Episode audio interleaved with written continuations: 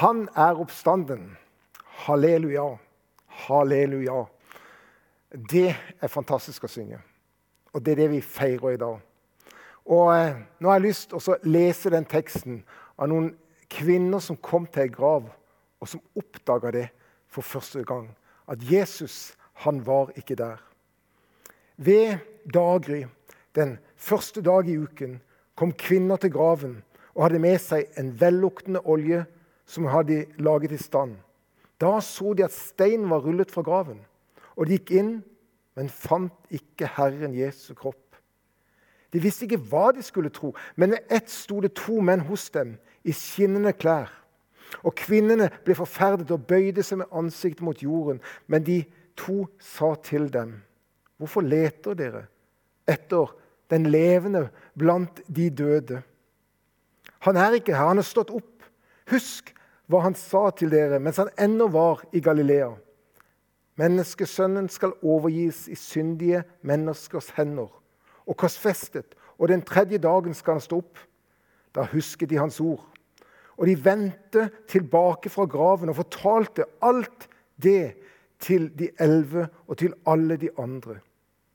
Det var Maria Magdalena, Johanna og Maria, Jakobs mor, som sammen med de andre kvinnene fortalte dette til apostlene. Men de mente det var helt løs snakk, og trodde dem ikke. Peter tok likevel opp og løp til graven. Han bøyde seg inn i den, og han så ikke annet enn linklærne.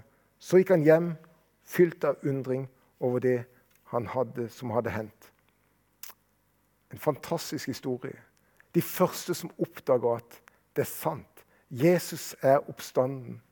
Og det er jo sånn at Oppstandelsen er jo kjernen i det som har med den kristne tro. Det står det i Romerbrevet at uh, vi skal bli regnet som rettferdige når vi tror på Han som Han som reiste Jesus for Herre opp fra de døde. Han som ble overgitt til døden for våre synder, oppreist for at vi skulle bli rettferdige. Og I Romerbrevet sier for hvis du med din munn bekjenner at Jesus er Herre, og i ditt hjerte tror at Gud har oppreist han fra de døde, da skal du bli frelst. Og Korinterbrevet er så tydelig at Men er ikke Kristus stått opp? Da er vårt budskap tomt, og deres ord er også tomme. Da står vi som falske vitner for Gud. For da har vi vitnet imot Gud når han sier at han har oppreist Kristus.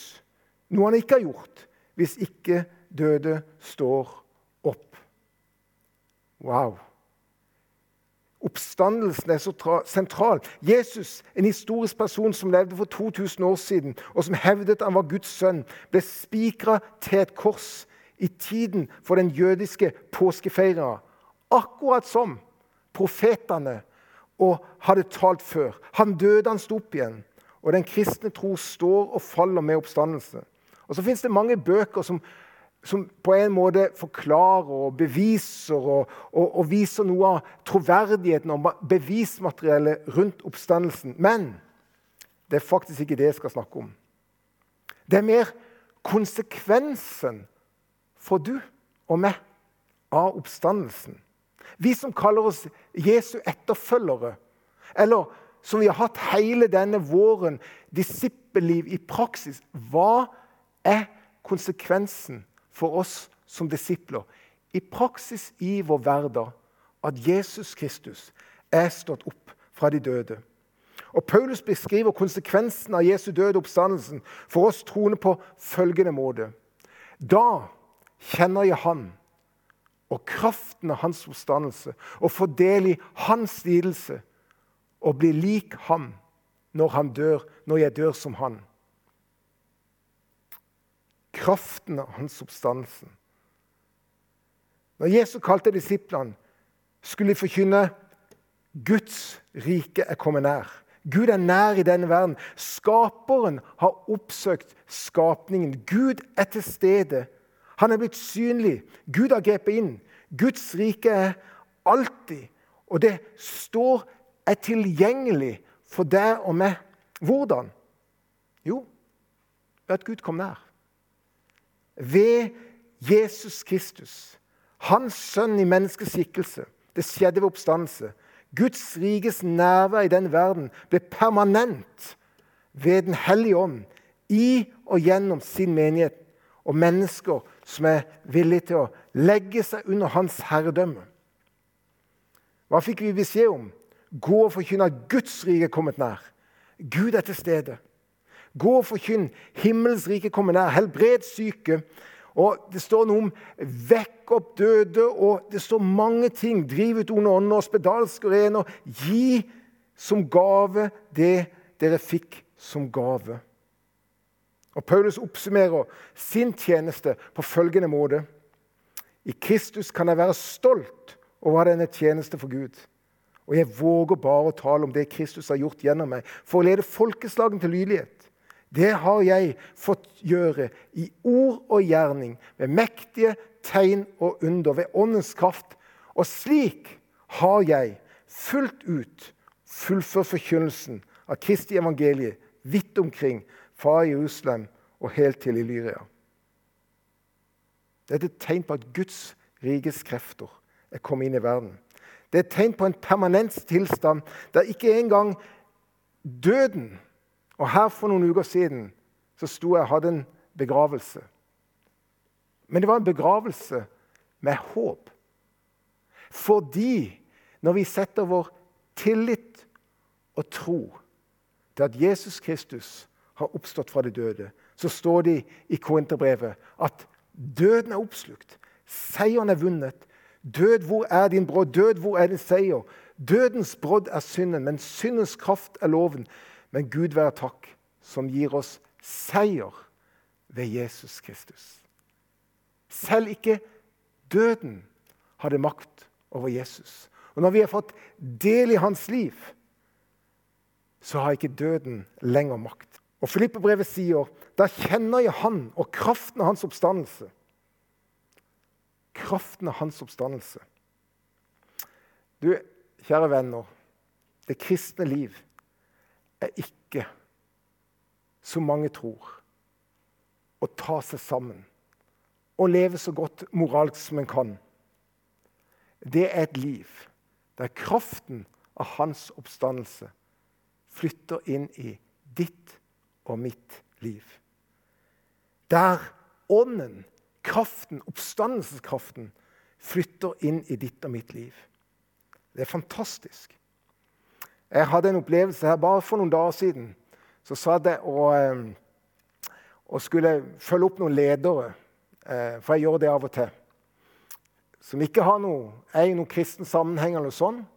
Men hver gang jeg gjør det, så ber jeg for folk, og så ber jeg for dem, og så ber jeg Gud Gud, vis meg noe, eller hjelp meg.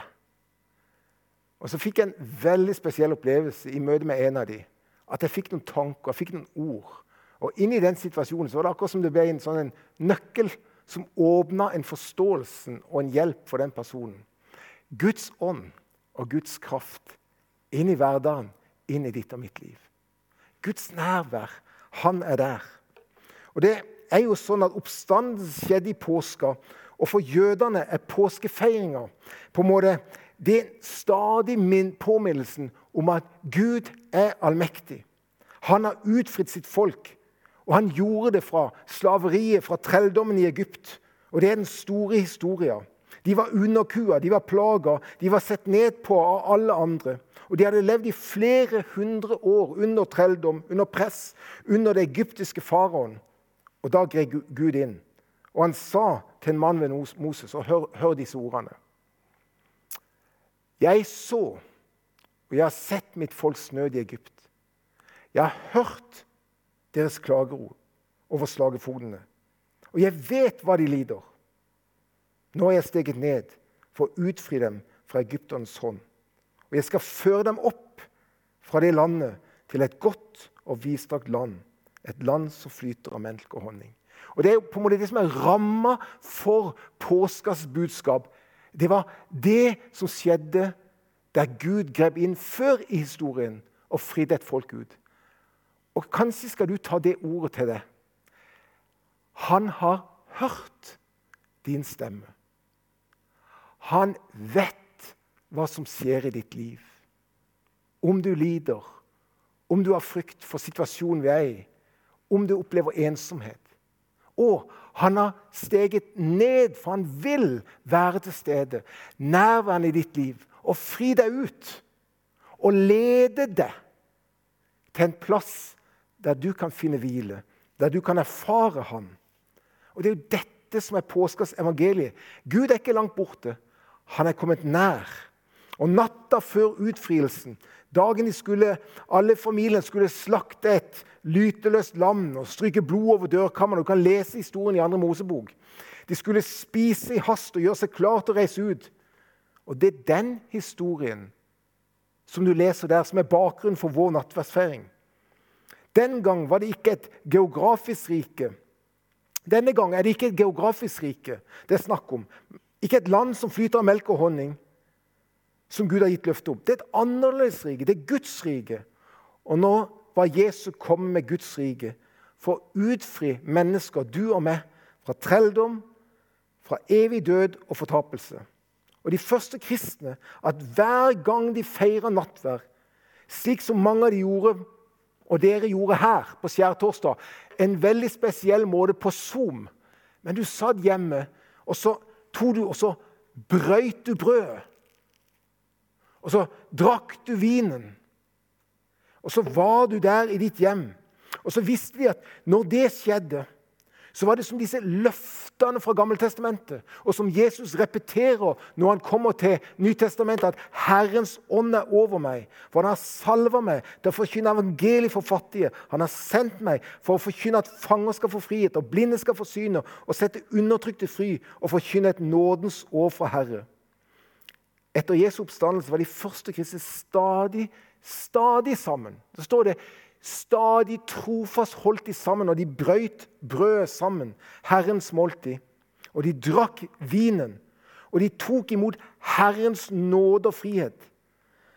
Og her kommer de med sin synd, med sin sår, med sin smerte og skuffelse og vet at Gud har sett, han har hørt, han har kommet nær. Han er til stede her, i brød og vin. Jeg hadde en fantastisk opplevelse for to uker siden i et hjem her. En liten gruppe med noen i menigheten. Og Så satt vi ned noen få stykker.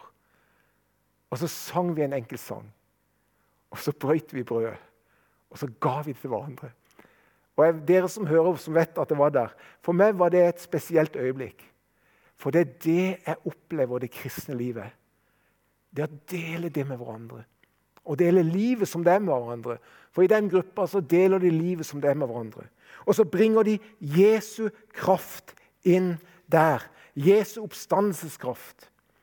Seieren borger for utfrielse og ny start. Jesu oppstandelse var det første på en måte de kristne feira som det var, det var jødenes utmarsj av Egypt.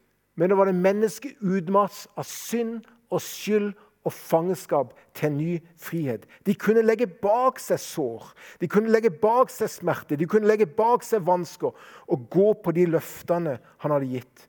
Hans oppstandelse ble også demonstrert i fellesskapet ved at ikke bare to sjøl, men de ga, og de tilga hverandre. Selv når de hadde erfart den fantastiske tilgivelsen, så tilga de hverandre. De fikk en mulighet til en ny start. De var jo ett brød. Hvordan kunne det komme noe mellom hverandre? Nei, de måtte gjøre opp. De måtte leve i oppgjort. De kunne ikke la noe være med og skade relasjonene og fellesskapet. Og rundt bordet så, så de hverandre i øynene, akkurat som dere som så hverandre i øynene da dere satt på torsdag. Og så tilga de hverandre, og så gjorde de opp. Og så levde de i dette fellesskapet, i åpenhet, i oppriktighet, i gjensidig tilgivelse.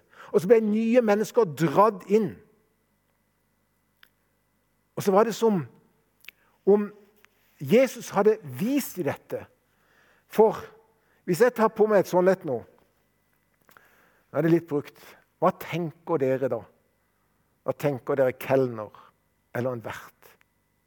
Og det var akkurat det Jesus var. Han var en kelner, han var en vert. Og det er det som I nattverdsfeiringa så tror jo Jesus dette. Og Johannes forklarer at, at på denne måten, da han hadde vaska føttene deres, Så tok han på seg kappa, så tok han av seg kappa og tok plass ved bordet igjen. Og så sa han til den, 'Forstår dere hva jeg har gjort?' Da hadde han vaska føttene. Da hadde han tatt på seg, blitt en vert og tjent. Dere kaller meg mester og herre, og dere gjør det med rette, for jeg er det. Men når jeg som er mester, og jeg som er herre, har vasket deres føtter, da skylder også dere å vaske hverandres føtter. Jeg har gitt dere et forbilde. Slik jeg har gjort mot dere, skal også dere gjøre. Sannelig, sannelig, jeg sier det, tjener ikke større sin herre, og utsending er ikke større enn han som har sendt det. Nå vet dere det, og salig er dere, så sant dere gjør det. Hvert. Jeg gitt dere et forbilde. Ofte tenker vi som et forbilde er noe vi skal strekke oss etter. Og på en måte er det riktig, men det kan bli litt krampaktig. For da går vi inn i denne Nå skal vi bli moralsk gode nok, eller nå skal vi ta oss sammen. og nå skal vi bli, nå skal vi, Og så blir det vi. Men det er jo ikke det Jesus snakker om her. Når han snakker om 'jeg har gitt dere et forbilde'. Et forbilde er noe som vi forvandles av og med det er uttrykt litt senere eller i, i evangeliet, Korinterbrevet, står det Men vi som er alle med utildekket ansikt, ser Herrens herlighet som i et speil. Vi blir forvandla av det bildet, forbildet. Når vi blir opptatt av det, når vi ser det fra herlighet til herlighet, som ved Hellig ånd, det er Herrens ånd Når han er opptatt av Jesus, og stadig speiler seg i Han og ser på Han, så ser det noe. En blir forvandla. Ikke ved å ta seg sammen, men ved å oppslukes, bli betatt av, venne seg til, omvende seg etter det bildet en ser. Og det er jo bare én vei. Det er at han her Han har gitt oss et forbilde. Og Jesus sier det og det, det er den veien Jesus gikk, det er i ydmykhet. Det er i at han, han, han ga slipp på sitt eget for å tjene, for å være en vert for de andre. Og Det står noe med han at, at ta mitt åk på dere og lære meg, for jeg er mild og ydmyk av hjerte. Så skal dere finne hvile for deres sjeler. Og si til Sions datter, det var i påska, se, kongen kommer til deg. Ydmyk, ridende på et esels, på trekkdyrets fole. Men nåden han gir, er større. Derfor heter det Gud står de stolte imot, men de ydmyke gir han nåde. Og ydmyk dere derfor. Eh, ydmyk dere for Herren, så Han kan oppøye dere. For å være ydmyk og frykte Herren i rikdom, ære og liv. Det handler ofte ikke om å ha rett, men om å gjøre rett og tjene. Det sto om Jesus. Han elsket dem helt til sitt siste. Og jeg tenker på det det står faktisk der, at Judas satt og fikk vaska sine føtter. Og han fikk også brød og vin fra Jesus. Han blei akkurat behandla som de andre. Det er en radikal nåde en radikal tjenersinn, en radikal ydmykhet. Og Det står når man var godt likt av folket. Det var fordi de elska mennesker og tjente dem. De tok seg av de fattige og hjemløse. De ga mat og klær. Og jeg synes Det er fantastisk at vi har frimat. Og Det er en del av vårt arbeid. Og Vi sier av og til i menigheten at vi, vi, eh, vi, skal, vi skal være en menighet og familier som, som, som er rause, og som kan romme mer enn seg sjøl. Og sånn var det med de første kristne. De romma mer enn seg sjøl. Mennesker ble helbreda, mennesker ble satt fri og gitt nytt liv. Det var et overnaturlig liv. Et liv der de kjente kraften av hans oppstandelse. I Hånes frikirke så ønsker vi å si at vi skal elske Gud å være nær til Jesus. Å elske mennesker, dvs. Si leve nær til mennesker. Å være med å påvirke og bevege verden rundt oss. Vi ønsker at Guds kraft, og det er mitt ønske også i påske, at Guds kraft får plass, og vi tar imot, og vi blir gode mottakere av den kraften. Men det er faktisk en del til. Og det står det å ha del i hans lidelser. Det er at Paulus erfarte det. Og Jeg har lyst til å vise deg et bilde. og Noen av dere er kanskje for unge til å tenke hun, hvem hun var, men det er moder Teresa. Eh, hun fikk Nobels fredspris. Og Det var en tid der kommunistregimet var veldig sterkt i Albania. Og Det meste av evangeliske kristne var utrydda. Og så sier hun under Nobels fredspris, der hun blir spurt om hva tenker du om ditt eget hjemland, Albania, der hun kom fra, så svarte hun sånn som dette. Den albanske kirke opplever sin langfredag.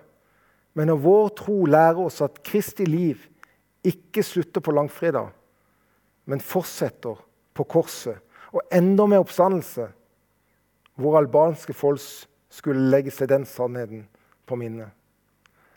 Jeg har fått lov til å møte mange i Albania. Minnesplantere. Evangeliet ble ikke tatt knekken på.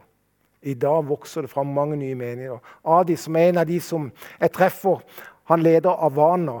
Det samme arbeid som vi gjør i vår barnekirke i Albania. Og hundrevis og tusenvis av barn får høre evangeliet. Du skjønner, Kristus er oppstanden. Men det er jo sånn at når de brøt dette brødet og drakk denne vinen, og de var samla, så var det jo sånn at hver gang de spiser det brødet og drikker den vinen, så forkynner de Herrens død inntil han kommer. Og det var en del. Å få del i Kristi oppstandelse og kraften men også få del i hans lidelse. Påskedagen er kraft og seier, men det er også en påminnelse om man gikk gjennom noe for deg og meg. En lidelse. Og så er det jo akkurat det som er evangeliets budskap.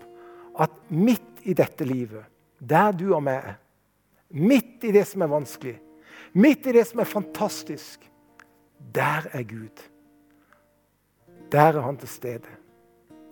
Han er den oppstandende. Han er den som lever.